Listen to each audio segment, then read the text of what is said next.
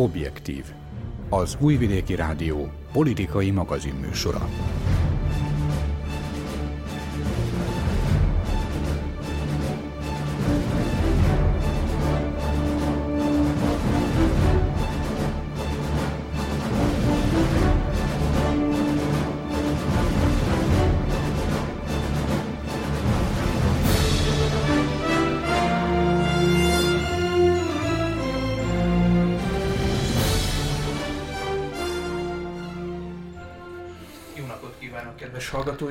Patus László vagyok, a mai objektív szerkesztője.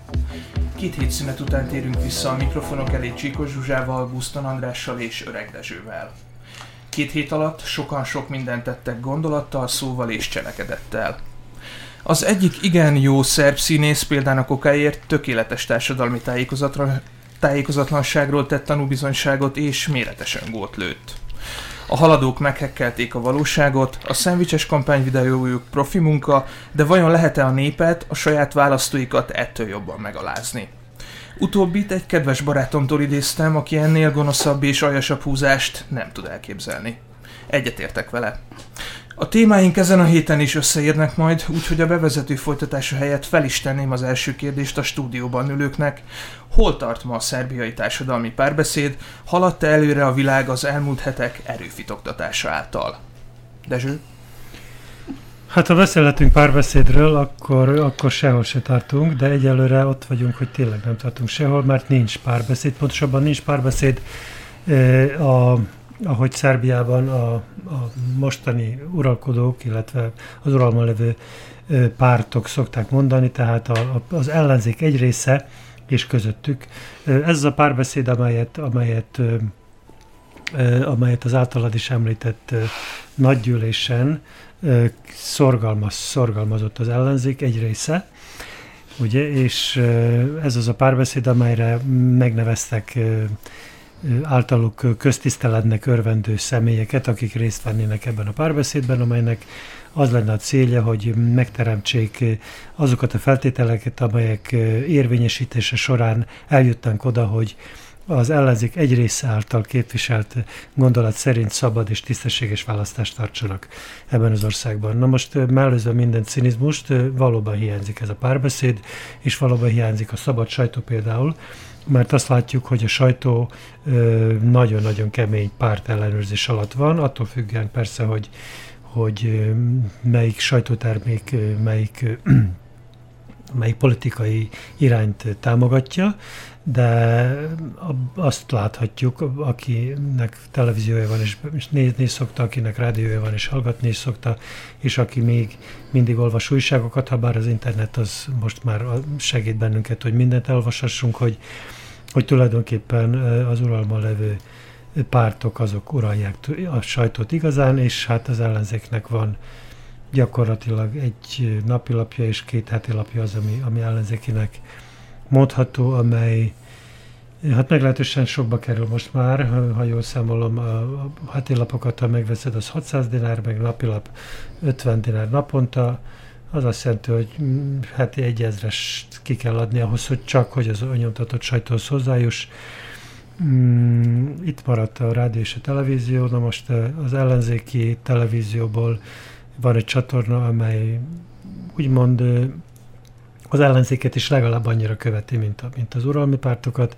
Ez viszont csak kábel televízión fogható. Itt újvidéken például lehet nézni, hallom, hogy Temerinben már nem lehet nézni, úgyhogy, úgyhogy itt vagyunk. Azt akarom mondani, hogy itt tartunk a párbeszéddel. Az, a, a hatalmi pártok azt üzenik, hogy a párbeszéd helye a parlament, tehát a szerbiai képviselőházban várják el, hogy oda járuljanak azok, akik párbeszédet, tehát, tehát dialógust akarnak folytatni. Azt is tudjuk, hogy az ellenzék azon része, amely, amely ellenzékének számítható igazán, már egy jó ideje nem vesz részt a parlament munkájában, ezáltal nem vesz részt az ott kezdeményezett párbeszédben sem. Volt egy kezdeményezés, a parlament elnöke a nagygyűlés után meghirdette, hogy azt hiszem múlt kedre volt bejelentve, hogy majd párbeszédet kezdeményeznek. Ott volt a hatalmi pártok mindegyikének a képviselője, és ott volt a, az ellenzék közül, a, a magát ellenzéknek való közül a radikálisok, és azt hogy meg is állt, mert a Vajdasági Szociáldemokrata Liga és a, és a, és a Csédó, csédóik ott voltak. Csédóik talán, de jó, akkor itt, itt ketten voltak ott, úgyhogy itt tartunk a párbeszéddel, az én, az én meglátásom szerint, de azért itt vannak a többiek is, hadd mondják el ők is. Tehát párbeszéd tényleg nincs, és egyelőre, ne, egyelőre nem is lesz, viszont én az látok, hogy valamilyen elmozdulást az elmúlt két évben, csak nem tudom milyen irányba. Lehet, hogy jó, hogy lassan haladunk, be valószínűleg rossz irányba megyünk, vissza a helyzet komolyságához. Ugye megtörtént az újvidéki nagygyűlés, a belgrádi egyik nagygyűlés, a másik nagygyűlés, a Száva központbeli 7000 ember. Ezt már nezen lehetett volna fokozni, illetve csak akkor, hogyha valaki egymást akarta volna ugratni a két tábort. Hála is ettől azért még okosabbak azok, akik vezetnek bennünket, és ez egyelőre nem, nem történt meg, viszont, hogy Dezső is mondta, az ellenzék megalázása folyamatos, ugyanis a hatalmi pártok parlamenti destrukciójával sikeresen küzdték az ellenzéket, most pedig vissza akarják hívni őket arra, hogy ott akarják velük párbeszédet folytatni.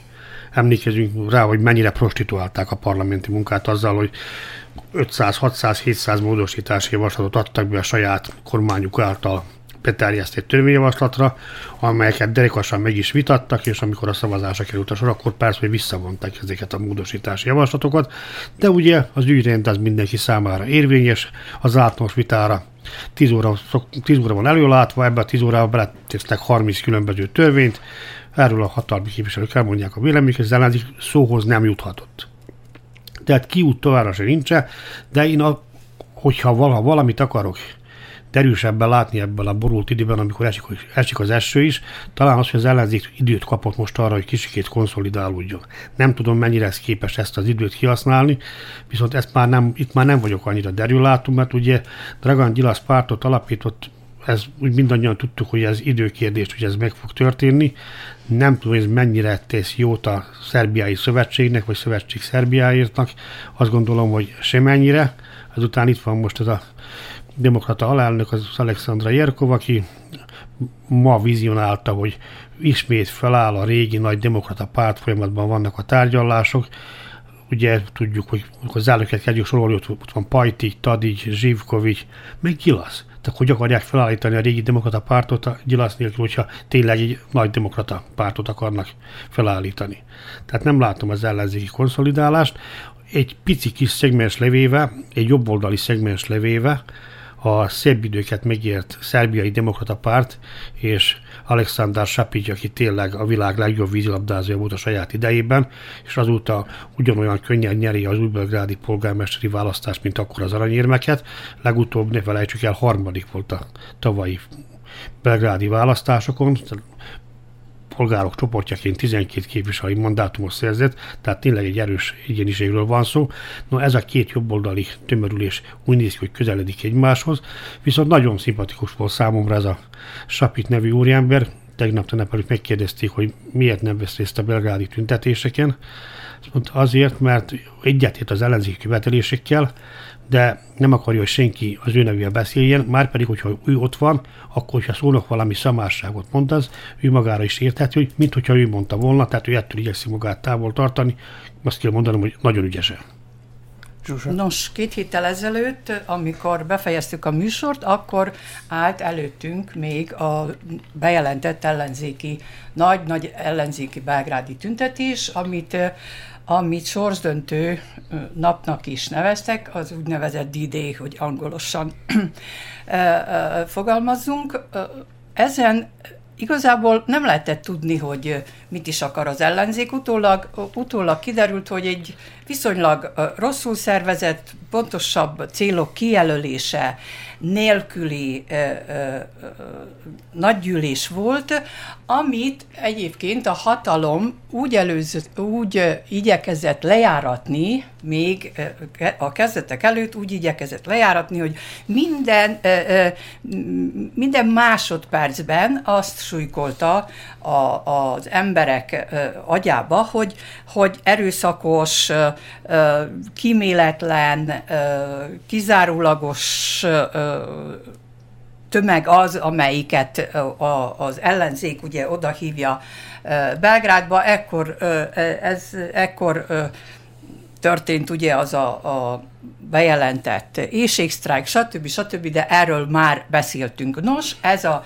ezt a, az ellenzéki nagygyűlést követően volt a, a hatalmi, a hatalom nagygyűlése, és kiderült, hogy többszöröse volt a résztvevőknek azon az Alexander Vucic által meghirdetett nagygyűlésen. Ez is volt igazából a cél, bebizonyította most illetve hát kettő, illetve egy héttel ezelőtt bebizonyította a, a hatalom, hogy ki a gazda valójában, hogy, hogy Alexander Vucic az, aki igazából uralja ö, ö, Szerbiát, és hogy mindenki más le a vasútról. Ezt egyébként a gyors véleménykutatások, közvéleménykutatás is bizonyította, megugrott a haladók népszerűsége, csökkent a, a,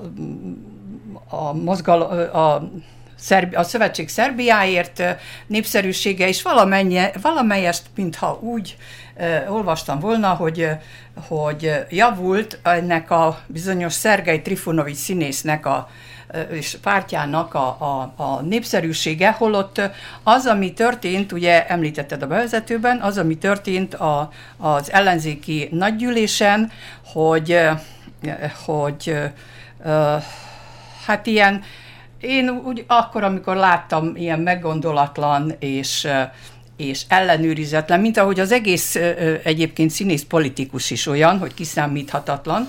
Nyilatkozata volt, ugyebár, hogy ide hozza, telepíti a szíreket, magyarokat, és, és stb.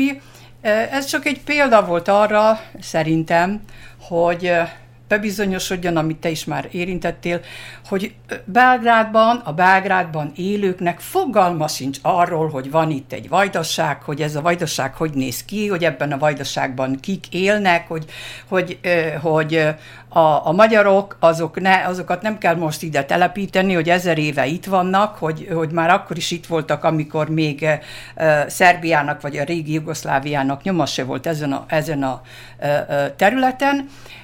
igaz, hogy a, a kiszámíthatatlanságáról és trágárságáról elhíresült színész bocsánatot is kért a magyaroktól, és azt mondta, hogy az ő agya 16 csatornán működik egyszerre, és ő, ő neki ez egy igazán lapsus volt, amit, amit ő mondott. Ha még így ezt elfogadjuk is, és, és igazából, igazából a hatalom csinált ebből nagy ügyet, mert mert ugye alkalom volt arra, hogy elverje a port az ellenzéken.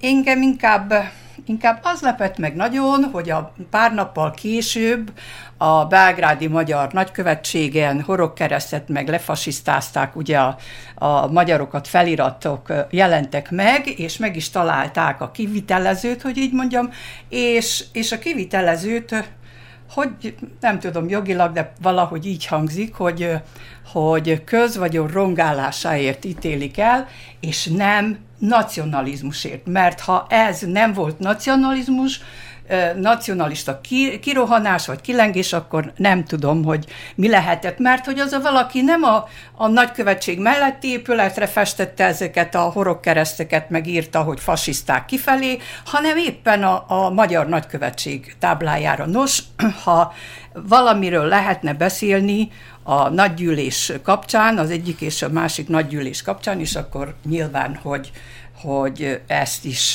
ezt sem szabad elfelejteni, de még egyszer hangsúlyozom, most a két nagygyűlés megtartása után valamilyen módon fellélegezhetett a hatalom, maga Alexander Vucic is bejelentette ezen az általa karneválinak nevezett nagygyűlésen, hogy ő úgy gondolja, hogy ez, ez az utolsó ilyen nagygyűlés, és hogy hasonlót már nem kíván szervezni, bármit is jelentsen ez. Most utólag lehet, hogy erről még beszélhetnénk, de, de ez nagy, fölöttébb érdekes, mellékesen ugye mindenki arról beszél, hogy, hogy hogy hát ide szállították erre a nagygyűlésre az embereket, és nagyon nagy részük nem önkéntesen érkezett.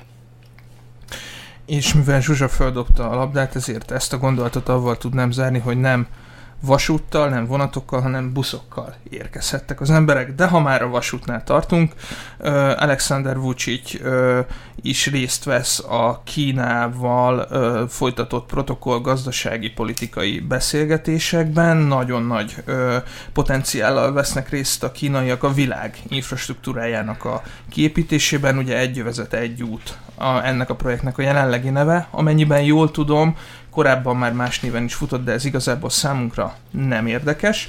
Új sejemútként. Új sejemút, stb. stb. Volt egy nagyon érdekes cikk, ahol így foglalkoztak pont a névváltoztatások kérdésével. Számunkra viszont most itt talán nagyobb hangsúlya bír az, hogy Alexander Vucic jó néhány gazdasági, politikai kijelentést is tett a kínaiak ölelő karjai között, vagy a kínaiak ölelő karjaiból. A stúdióban ülőkhöz a következő kérdésem az, hogy milyen konzekvenciákat, vagy milyen üzeneteket lehet levonni abból, hogy Vucic most a kínai ö, együttműködésről tárgyalt politikai, vagy csak pusztán gazdasági jelentése van ennek az egész történetnek? Politikai jelentése van mindenképpen a történetnek. Én 2004, 2014 őszén jöttem vissza önkéntes számüzetésemből a rádióba, és akkor csináltam egy interjút Dusán Jányicsjal, aki egy amerikai barát ellenzőnek számít így szakmai berkekben, és akkor rákérdeztem tőle, hogy hogyan lássa professzor úr, mit ad a Szerbiának az útja, mi a jövője. És ő azt mondta nekem akkor, ez több mint négy éve van ennek a dolognak, egyetlen lehetőségünk van, a Kínára való támaszkodás és a NATO-hoz való csatlakozás. Tehát ez a hatalom öt év után odafigyelt arra, hogy mit mondott egy ellenzéki jellemző, és pontosan ezt az utat követik mostan, de következetesen. Ugyanis az Európai Unió nem bocsássa meg az Oroszországra való támaszkodást, itt-ott lehet vele együttműködni, mert ugye Németországnak is szüksége van gázra, mint hogy Szerbiának is szüksége van, ezt úgy még valahogy elnézik. De egy igazi orosz, orosz kolóniát itt a Balkánon nem szeretnének, viszont úgy látszik a kínaiak jöhetnek. És a kínaiak pedig jönnek is jönnek. Úgy a Szerbiában egy kis rész képez az ő nagy projektumukba, mint hogy ők óriásiak is. Ugye Szerbianak a nagysága mekkora, hát egy közepes kínai város nagyságának felel meg. Ugye nem vonatkozik Magyarországra is teljesen mindegy. Tehát kínaiak más léptékkel, más léptékkel számolnak. Pénzük is van, és emberanyaguk is van. Tehát én azt látom, hogy ők meghódítsák ezt a közép-kelet-európát, nem tudom, mire mennek az Európai Unióval, lehet, hogy kicsit nagyobb falat lesz, de azt gondolom, csak tovább fog tartani. Lehet, hogy még Nikolic elnök lesz majd igaza, ugye emlékezzünk vissza, hogy a, jön a sárga ember és hiszik a moravából, valami hasonlót mondott még, mondott még államfő korába, de én igazából ezt nem is tudom, én nem is akarom elítélni, úgy látszik tényleg ez a módja. Az Európai Unió ugye etett bennünket hosszú évek óta, és nem még látjuk, hogy mit, mi lesz a Európai Uniós választások után, vajon a Macron-féle politika fog üzemelmeskedni, vagy esetleg egy másfajta politika. Macron természetesen szigorúan belpolitikai okokból tegnap is azt mondta, hogy csökkentjük a seggéni övezetét, lévő országok számát, még nem kell a bővítés. És látjuk, hogy Európának tényleg nem kell a bővítés, tehát hiába kuncsorgunk mit most már hány éve, 14-ben kezdtünk a hivatalosan csatlakozási tárgyalásokat is a fejezeték felésén nyitottuk meg.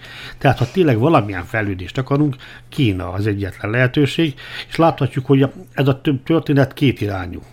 Nem arra gondolok, hogy Szerbia suház be Kínába, hanem Kína egyrészt vásárol itt, amit akar vásárolni, Smedereui vasművek, Bóri Mágyamedence, néni gumigyár, ez a három együtt körülbelül 3,5-4 milliárd euró, óriási pénzekről van szó, és utána pedig jön és épít.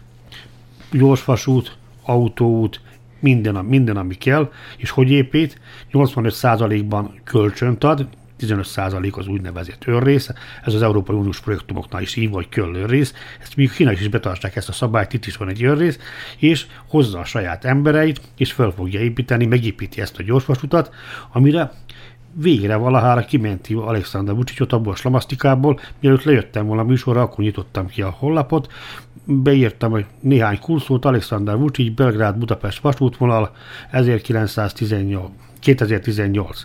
És 2015. decemberében újvidéken jelentette be Alexander Vucic, hogy, hogy három év múlva, tehát 2018-ban elindul a forgalom Belgrád és Budapest között ezen a igazából nem is gyors vasúton, hanem csak egy gyorsabb vasúton, mint, amit, mint, amin, mint amin eddig utazhattunk. És ugye hallgatjuk a Magyarország irodásokat is, ott szépen tegnap mondták, hogy 2019 van, és akkor 5 év múlva, tehát 2024-2025 az a céldátum, amikor ez elkészül.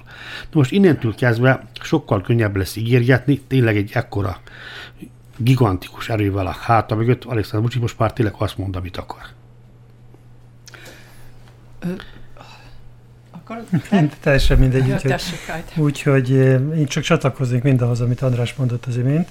Kína e, borzasztóan következetesen és céltudatosan építi ezt a politikát, amelyről András beszélt, tehát hogy hogy tulajdonképpen most az a célja, hogy a közép-kelet-európai országokba nem hogy behatoljon, mert már itt van, hanem minél nagyobb teret foglaljon el itt, mert hogy, mert hogy én szerintem ebben látja az utat arra, hogy a nyugat felé is közeledjen. Azt látjuk, hogy a nyugaton már bizonyos, különösen Amerikában bizonyos ellentétbe ütközött, különösen a Huawei nevezető hát mondjuk technológiai egy, korporáció. Így van. Ezek, ezeket Amerika nem akarja, nem akarja elfogadni, mert látja, hogy itt abszolút alul marad, és hogy Kína ezt übereli azt, amit Egyesült Államokban csinálnak. Kínában továbbra is olcsó munkaerő, nem csak, nem csak a csúcs technológiát gyártó munkaerő olcsóbb, sokkal, mint nyugaton, hanem az egyszerű munkaerős. Itt, amiről András beszélt, hogy utak, autópályák, vasútvonalak, stb. stb. Ez mind megvan Kínában. Mm, ők ezt a fejlődést fokozatosan érték el. 40-50 évvel ezelőtt még, még azon, igyekeztek, azon igyekeztek, hogy képítsenek egy olyan olyan átmeneti szakaszt a, a szocializmus és a kapitalizmus között, amit, amit szabad gazdaságnak is lehet nevezni, ami, ami, ami mai napig tart, úgymond, hogy, hogy egy, hogy van, két, két egy rendszer, két, most két rendszer, egy ország, vagy ez a, ez a, ez a ez a, amire alapoznak, úgyhogy tehát azt mondom, hogy nagyon céltudatosan jutottak el eddig a pontig, hogy most már törnek be Európába, törnek be világba, és most Közép-Kelet-Európa pillanatnyi, a, tehát a világpolitikai állapota folyamán Közép-Kelet-Európa az, ami most cél a kínaiak számára, ezen keresztül tudnak eljutni nyugatra, és ezt nagyon-nagyon céltudatosan építik. Úgyhogy én ebben nem látok semmi rosszat, mert ez nekünk is hasznos lesz, és ebben a pillanatban uh, Szerbia uh, jó időben, jó helyen van, mert hogy, mert hogy ezek, ez, Szerbián keresztül haladnak ezek az utak, amelyeken keresztül el lehet jutni Nyugat-Európában. Tudjuk, hogy Görögországban Pérószi kikötő az, amit Kína már megvett. Azt mondták, hogy vasúttal kötik össze Budapesttel, ami Belgrádon keresztül vezet, ami szerencse. Peking volt az a hely, ahol az, az, áll, az, elnö, az államfő bejelentette, hogy már építjük a, a török áramlat Szerbián keresztül haladó részét is, úgyhogy én nekem az volt a benyomásom egyébként, itt most csapongok egy kicsit, hogy ez az egész kínai látogatás egy óriási választási kampány része volt, mert amikor kamera... Vagyis hát az, azzá fokoztam, mert hogy a meghívást erre, éppen ma olvastam, erre a találkozóra Alexander Vucic még januárban kapta, tehát a kínaiak nem tegnap hívták össze azokat, akik, Persze, akik nem, nem, nem. Én csak azt mondtam, hogy a hazai sajtóban úgy csapódott le az egész, hogy, hogy óriási eredményeket lehetett bejelenteni, amit hogyha az ember néz, akkor tényleg azt hiszi, hogy most a választási kampány dandárjában vagyunk, vagy a vége felé közeledünk, mert, mert mi arról hallottunk folyamatosan Pekingből jelenti, az RTS jelenti a más nemzeti födettségű televíziók, hogy, hogy itt ilyen és ilyen kilométer hosszúságban fogunk gyorsvasutat építeni ide és ide, ez ennyi, ennyi milliárd euróba, dollárba, teljesen mindegy, hogy mibe fejezőkig fog kerülni. Ezt mind megkapjuk Kínától, megkapjuk Oroszországtól, ott volt az orosz államfővel való találkozó, mm, ez is mind arra szolgált, hogy, hogy belpolitikai poénokat szerezzünk onnan Kínából, Oroszországon keresztül, Belgrádban, Nisben, Kragujevácon, bárhol ugye újvidéken. Azt akarom mondani, hogy ezt mi csak kihasználjuk itt belül. Az, hogy kívülről kapjuk ezt a kínai pénzben, és nem csak pénzben való segélyt. Hitelek ez, ezek. Hitelek, így van, de, de így van, bocsánat, nem, nem segély, hanem hitelek, tehát kapjuk ezeket a pénzeket, ezt mondom, ezt én úgy látom, hogy jó, mert, mert ebben a pillanatban jó időben, jó helyen vagyunk. Nagyon nagy volt a tolongás ezen a be, pekingi egyövezet egyút második nemzetközi értekezletén, konferenciáján, ugye, nagy volt a tolongás, mit mondjunk, 37 állam és kormányfő vett részt, és, és a, a nyugatnak a nagy része, amelyik még két-három évvel ezelőtt hát nagyon szkeptikusan és nagyon rossz szemmel nézte azt, hogy hogy ez az úgynevezett 16 plusz 1, ugye a 16 közép-kelet-európai ország köztük ugye uniós hát viszonylag szegény uniós tagállamok is, és Kína egy külön a Sejemútnak egy külön részét közösen építi, és lépten nyomon akadályozták, akadályozták Brüsszelből ezt az együttműködést. Például ez a vasút is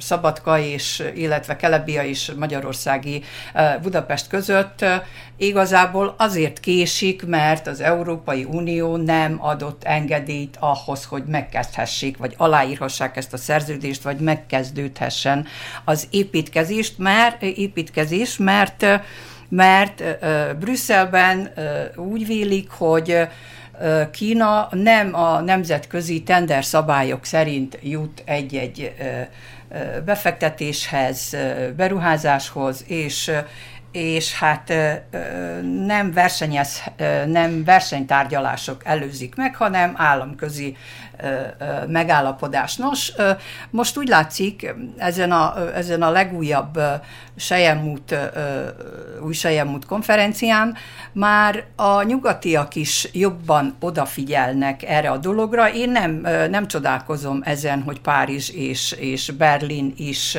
igaz, hogy bizonyos feltételeket szab ma még, de, de ők is úgy, úgy látják, hogy ebbe a ebbe a nagy gazdasági, megagazdasági projektumban mindenképpen be kell kapcsolódnia. Hát van más lehetősége az Európai Uniónak? Ha, ha azt nézzük, hogy, hogy most már az Egyesült Államokkal is milyen hadi, hadilábon áll, és hogy kölcsönös egymás ellenes, akarom mondani, inkább nem tudom én, külön vámokat szabnak ki nagy mennyiségű és fajtájú, sokfajtájú árura, az, az Európai Unió, az amerikaira, az viszont tehát, tehát szüksége van az Európai Uniónak is, a, főleg ugye én most itt a gazdagabb nyugati részére gondolok, szüksége van a, a kínai tőkére, mert hogy akarja vagy nem akarja, el kell ismernie,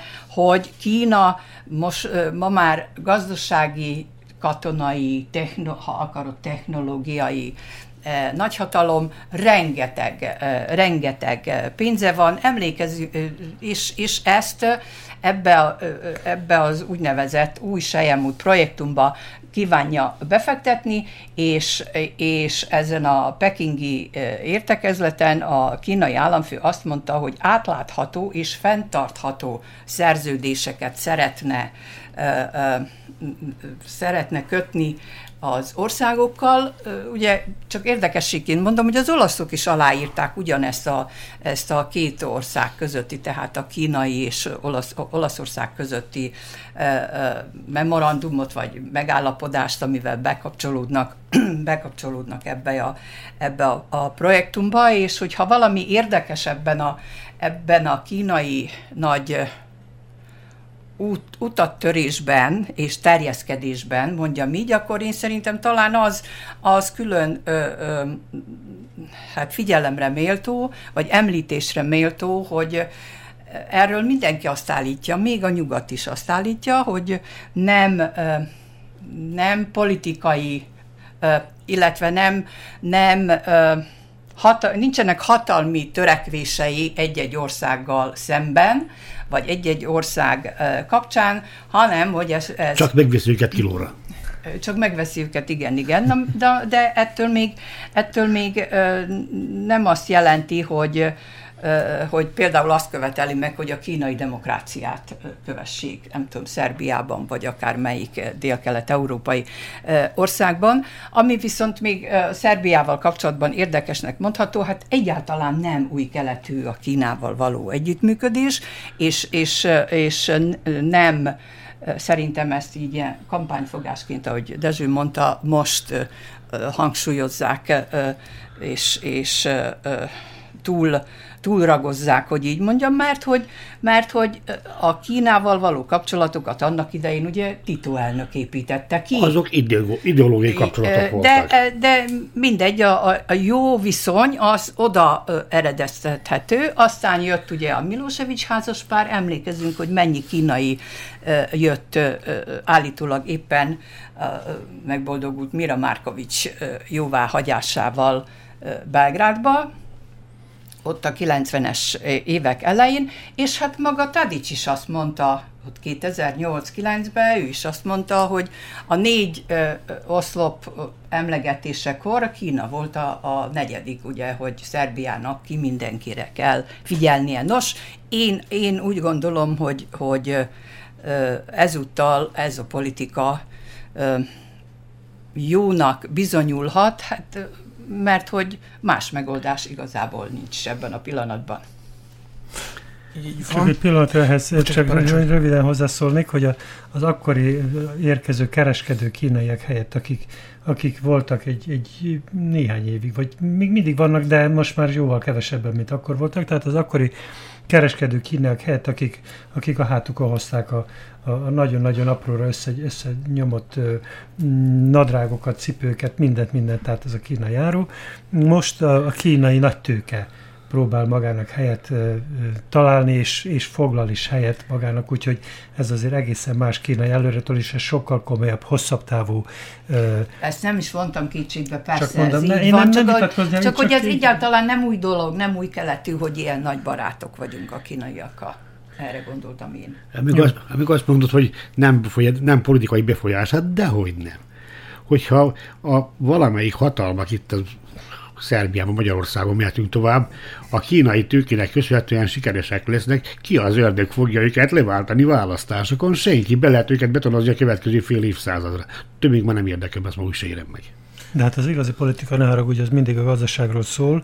A háborúk is a gazdaságról szólnak, minden visszavezethető a gazdaságra, csak ezt nagyon kevesen teszik meg, úgyhogy inkább politikai erényként és, és nemzeti célok eléréseként próbálják beállítani, holott gazdaság van mindig. Pontosabban az Kő, emberek megélhetése, így van, egy, így van, kőkemény érdek, és a mindennapi, az emberek mindennapi élete és a, a jobb élés reménye az, amit, amit, amit, amit amit a politika is megpróbál érvényre juttatni. Rendben van politika, de nem, nem feltételeket diktáló politika hogy én is megfejeljem ezt a gyors villámcsapásokat. Gondoljunk csak abba bele, hogy egy tőke felhalmozás egy-egy adott ország kapcsán nem csak egy meghatározott politikai ö, formáció előretörését, hanem adott esetben annak tökéletes, tökéletes bukását is elhozhatja. Ha elzárják a pénzcsapokat és nem tudják művel fedezni ezeket a gondolatokat, akkor annak a kormánynak annyi. Magyarul itt ténylegesen az én meglátásom szerint nagyon-nagyon-nagyon vastagon érintkezik a tőkefelhalmozás és a politikai hatalom. Nem zárójelbe téve azt, amit Zsuzsa is mondott, hogy nem konkrétan a kínai demokrácia forma kihelyezéséről van szó. Ám ha már politikánál tartunk, akkor egy ö, talán nem túl szerencsés kifejezéssel azt is mondhatnánk, hogy Pekingnek is megvan a maga Koszovója, Tibetre gondolok.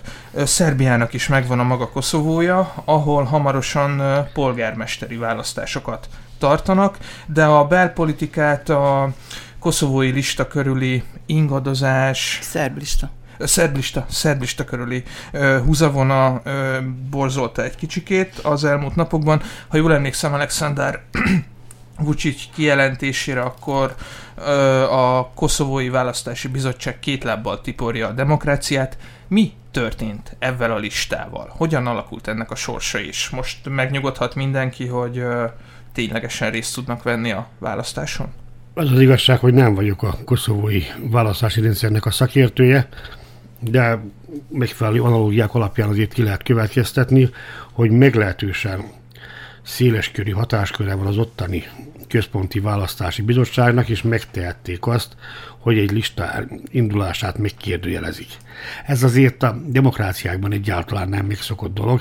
Ez az, az, az alja a politikai versengésnek az, hogy az ellenfelelet egyáltalán nem engedi indulni.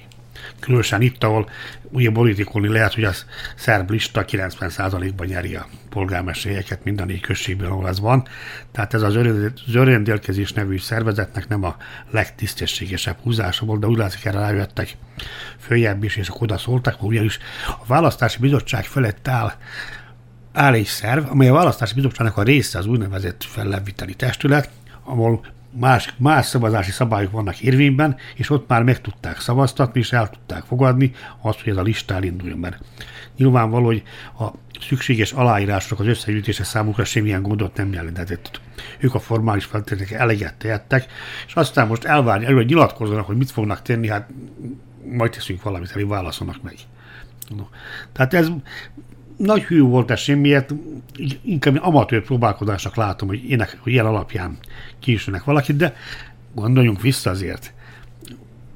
Volt itt valami, voltak is Szerbiában is választások, parlamenti választások, és a magyar mozgalom valami formai hibák miatt nem indulhatott. Nem is olyan régen volt ez éppen, ha vissza akarunk menni, lehet, lehet ezzel Aláírás gyűjtésről volt szó, és akkor rábizonyították hirtelen, hogy egyébként mindenki úgy szedte, bocs, bocsánat, a pártok egy része úgy szedte az aláírást, hogy kibérelt egy ügynökséget, aki összeszedte nekik. Most kiderült, hogy két, kétszer írtak alá egy helyen.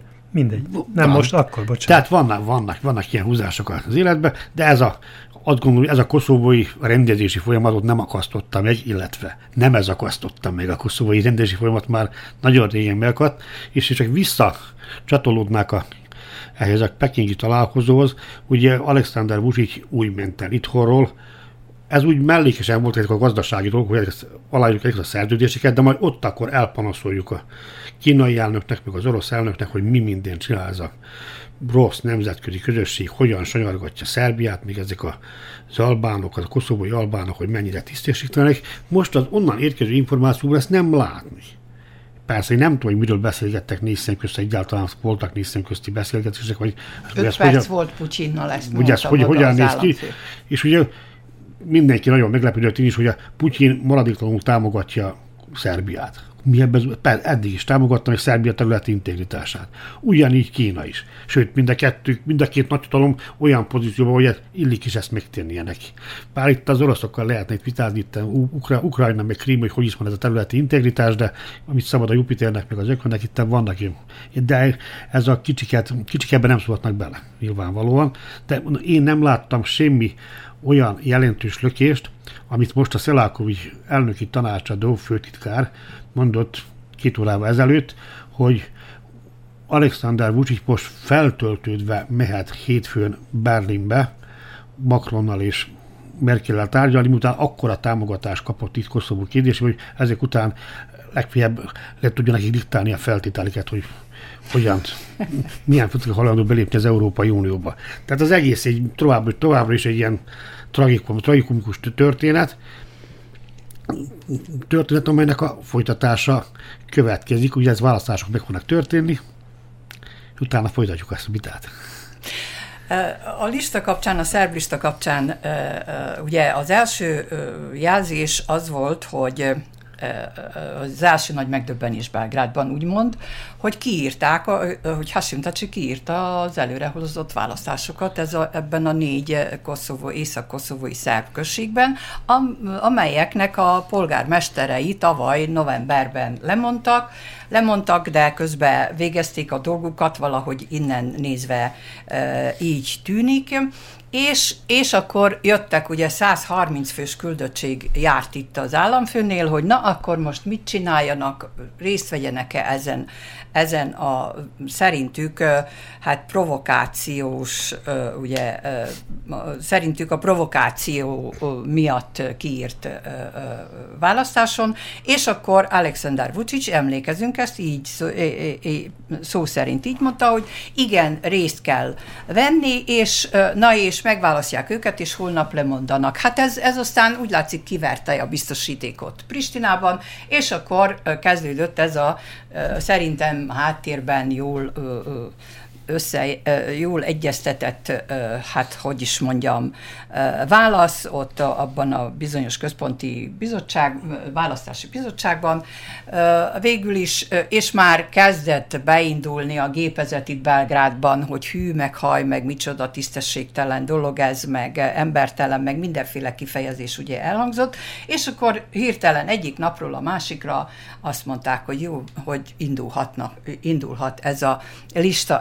Egyébként én én ö, ö, nem, nem először mondom most, hogy tavaly november óta, vagyis azt követően, hogy Szerbia barátaival megakadályozta Pristina felvételét az Interpolba, azóta offenzívában van a pristinai hatalom, és, és folyamatosan minden apró dolgot folyamatosan kihasznál arra, hogy mondjam azt, hogy ö, ö, hát borsot törjön Belgrád orra alá, vagyis hát, hogy állandóan ö, valamilyen módon védekeznie, cáfolnia kelljen azokat a, a, azokat a dolgokat, amit ugye hát a beveze, a, a, az illeték bevezetése, a százszázalékos adó bevezetése után, meg a hadsereg megalakítása után, stb. stb. egymás után jönnek azok a dolgok, ami, amin, amin Belgrád ami miatt Belgrád én szerintem defenzívába szorult, és folyamatosan védekeznie kell, és, és válaszolni ezekre a dolgokra. Nem tudom, hogy a, a hétfői berlini találkozóról még ugye beszélünk-e, vagy beszélhettek-e? Néhány, nyugodtan, nyugodtan. Né, igen, néhány Csak szó. szabad a felejtsd, hogy visszautalják erre, amit mondtál, hogy Belgrád állandóan defenzívába kerül. Csak vigyázzanak a koszovói albánok, mert Dacic képes lesz megtalálni a 11. országot is, amely vissza fogja vonni Koszovó elismerését. És, és, akkor, és akkor már el, el is veszítették a többséget? Ugye? Már, már elveszítették. Bocsánat, hát, hogy beszóltam Berlinitől. Berlinit igen, igen, igen. Hát a Dacic az, az régóta van hatalomban, nagyon-nagyon régóta, úgyhogy minden, minden elképzelhető.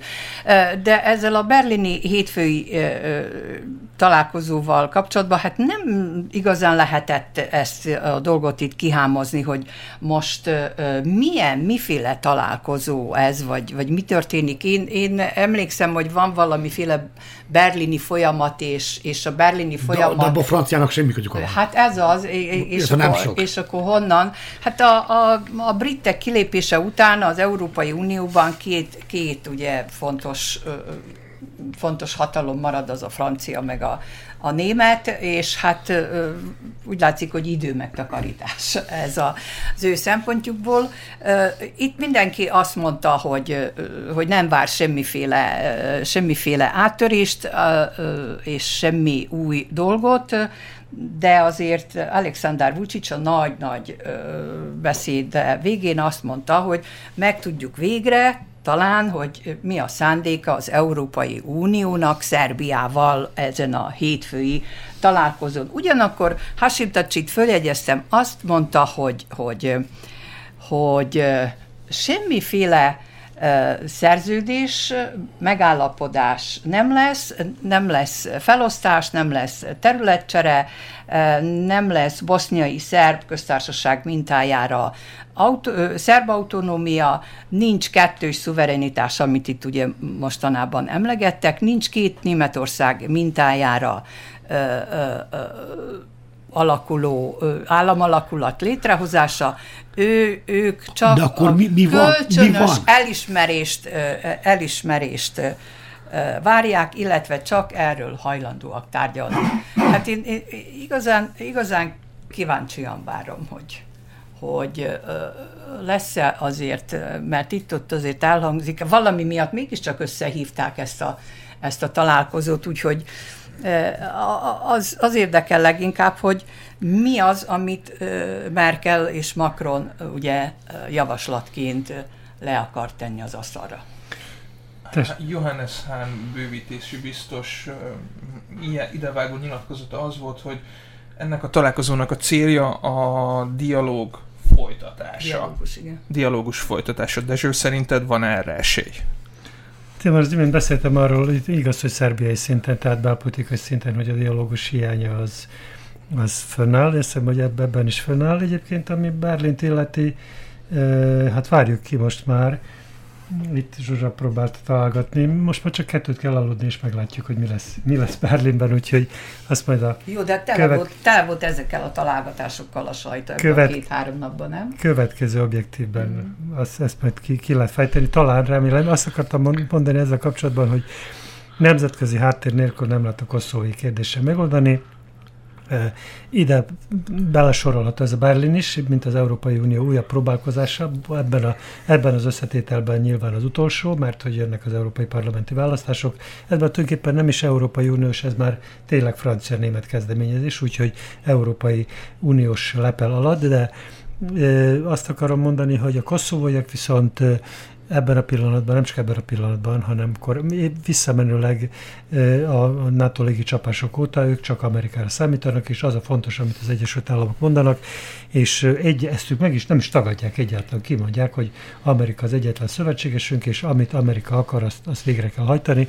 Úgy látszik, hogy Amerika ö, ö, hallgatólagosan ezt jóvá hagyja, amit, amit Pristinában csinálnak, úgyhogy úgyhogy nem látom én ennek a végét, mert hogy az Európai Unió és az Egyesült Államok között erről már volt szó ebben a műsorban is, és korábban is ebben a, az, objektív, az Objektív című műsorban is, úgyhogy nem tudni, mi a vége, visszatérve arra, amit András is mondott, és Zsuzsa is, hogy, hogy hogyan került mindenre sor.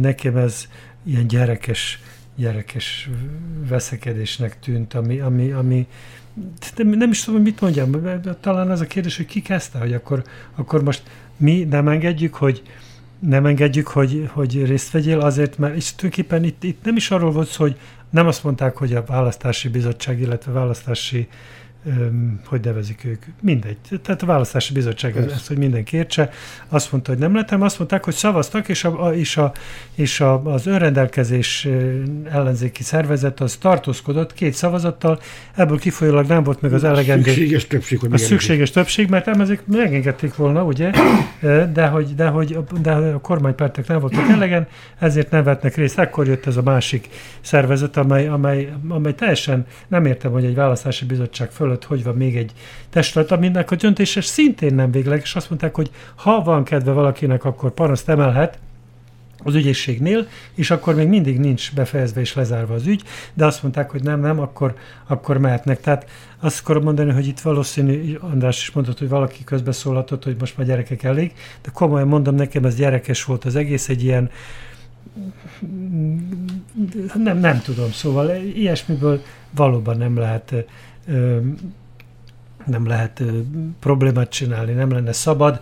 Az más dolog, hogyha hogyha egy, egy önkormányzat folyamatos lemondásban van, akkor, akkor az nem jó az önkormányzatnak, de nem jó nyilván a központnak se. Te, itt mindenek előtt Pristinára gondolok, mert ott gondok vannak az adóbehajtással, beszedéssel, a, a, a, a, a, a, tehát a, a, a központi szervek hatáskörének a gyakorlásával az adott önkormányzatban, stb. stb. Úgyhogy ez nem jó. Senkinek nem jó, a polgároknak sem jó, úgyhogy ez, ez sem vezet megoldásra, mint ahogy az államfő mondta, hogy nem baj, megválasztják őket, holnap ismét lemondanak, akkor megint ki lehet érni az új választásokat, meddig?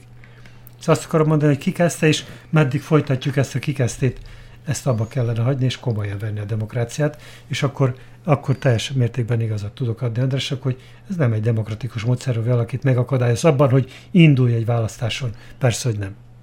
Őszintén, csak ezzel a listával kapcsolatban. Igazából ez a két ellenszavazat arról szólt, hogy, hogy mi az, hogy ugyanazok a, az, az, ugyanaz a négy személy vezeti a, a listát, amelyik négy személy lemondott. Cseréljék le őket, és, és akkor majd engedélyezik a, engedélyezik a részvételt. Igaz, hogy ahogy mondtad, hogy ez gyerekes, de lehetőség volt a, arra, hogy borsot törjenek, mondom, Belgrádorra alá.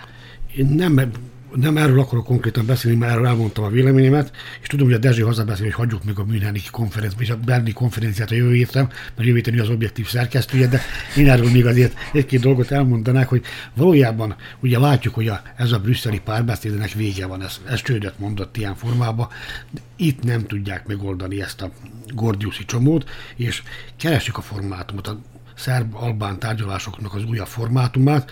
Ez egyfajta békekonferencia akar lenni, csak ezt még nem mondta ki senki így. Tehát kóstolgatják a Macron is, meg a Merkel is kóstolgatják a jelenlegi pristinai, meg a belgrádi vezetés, hogy mi az, amit le tudnak a torkukon nyomni. Tehát most ugye Dacsics azt mondta már, hogy nem ez véletlenül nem a dialógusnak a folytatása, hanem összeülnek és az egész balkáni helyzetet megvizsgálják. Én most igazából teljesen meglepődtem, hogy akkor ki lesz még a meghívottak között, akkor ott lesz a többi nyugat-balkáni. Ott bizony, igen, ott, igen. Ott, ott lesz ez mindenki. a legújabb. Na de, de az egyébként a torokról is szó van, akinek le akarják nyomni, ugye, és a torok azt mondja, hogy lehet, de, de nem lehet Moszkva és Peking jelenléte nélkül nemzetközi értekezletet rendezni, a másik torok pedig azt mondja, hogy Washington nélkül sem, úgyhogy Persze, hogy nemzetközi hogy, igen, hogy azt valahogy építik fel ezt a újabb nemzetközi békekonferenciát, egy újabb Rambújét, aminek remélem nem az lesz a folytatása, mint Rambújának volt hogy az objektív utolsó perceiben ne vegyük el a jövő heti csapat ö, kenyerét, ezért ö, lezárásként arra szeretném kérni a stúdióban ülőket, hogy mondjanak néhány gondolatot a már biztosan véget ért ukrán elnökválasztás kapcsán. Hova vezet Ukrajna ö, útja? Vissza ö, csatlakozva az egy út, egy vezet gondolathoz. Én igazából nem vagyok híve enne, ezeknek az ilyen ö, rendkívül váratlan politikai ö, ö, változásoknak, és most nem azért, mert ez az új ukrán elnök, akit 70%-os támogatottsággal választottak meg, komikus, színész, producer, mindenfélét mondtak róla, és aki megjátszotta ezt a szerepét abban a három éven át futó sorozatban, amelyben végül ugye a sorozat végén ő lett Ukrajna elnöke, és itt most a valóságban is ő lett, mert hogy van erre példa régentől kezdve egészen, egészen Havelig vagy, vagy Göncárpádig, ők ugyan nem színészek voltak, de nem politikusok sem, nem az volt a foglalkozásuk. Nekem inkább az az, az aggasztó, hogy egy, egy ennyire politikai dolgokban járatlan személy, hogy, hogy tud majd irányítani egy 44 milliós országot, vagy 45 milliós országot, amelyiknek rett rendkívül sok problémája van, nyugattal is, kelettel is, és, és akinek, akinek a támogatása egyébként egy, egy ukrajnai zsidó, most Ausz, Izraelben élő oligarchának a köszönhető, mert hogy azt finanszírozta nem csak a sorozatot, hanem a politikai kampányát is, aki nem az a baja, hogy, hogy zsidó és Izraelben él, hanem az, hogy tisztázatlan körülmények között szerezte azt a 6-7 milliárd dolláros vagyonát, és, és az, és az hogy, hogy Moszkvában, Moszkvával egyáltalán nincs jó viszonyban. Nekem csak bocsánat, Zsuzsafi Szónoki kérdést tett fel, hogy nem tudja, hogy ez a, az ember hogy fogja irányítani ezt a 44 milliós országot. A szónoki kérdésekre általában nincsen válasz, de adok egy választ szintén ilyen szónokit. Ugyanúgy, mint Donald Trump a 300 milliós Egyesült Államokat, meg az egész világot. Tehát lesz mögötte majd a irányít. Csak nagyon röviden szintén reagálnék. Azért ne felejtsük el, hogy itt mégiscsak egy olyan ember győzött, aki, akinek eddig semmi köze nem volt a politikához, ami azt jelenti, hogy, hogy az ukrán és, és nem akármilyen, 70-valány százalékos többséggel győzött, ami, ami óriási, ami, ami szinte elképzelhetetlen egy normál elnökválasztáson. Ami azt jelenti, hogy ezért ott kell, hogy legyen egy réteg, amely nagyon elégedetlen. Na most ez a régi latin bölcsesség, hogy páramet circenzi, tehát kenyeret és cirkuszt a népnek, hogyha valamelyik hiányzik, akkor, akkor nagy bajban vagy. Én azt hiszem, hogy itt a kenyér hiányzott, a cirkusz az megvan továbbra is, de a kenyér hiányzott, és az ukrán népnek valószínűleg nagyon elege van. És gondoljunk csak abba is bele, hogy egy olyan állam elnöki funkcióját fogja betölteni, amelynek gyakorlatilag nem tisztázottak a határai. Márpedig, pedig az államok az ismérve a határok létezése. Egyik. Szerintem ez egy nagyon szép végszó volt a mai objektív műsorunkra. Köszönjük szépen hallgatóink figyelmét, adásunk ismétlését holnap délelőtt meghallgathatják. Jövő szombaton a híradó után pedig ismét, talál, ismét hallhatnak minket. Minden jót kívánok, szép napot! Objektív. Az Újvidéki Rádió politikai magazinműsora.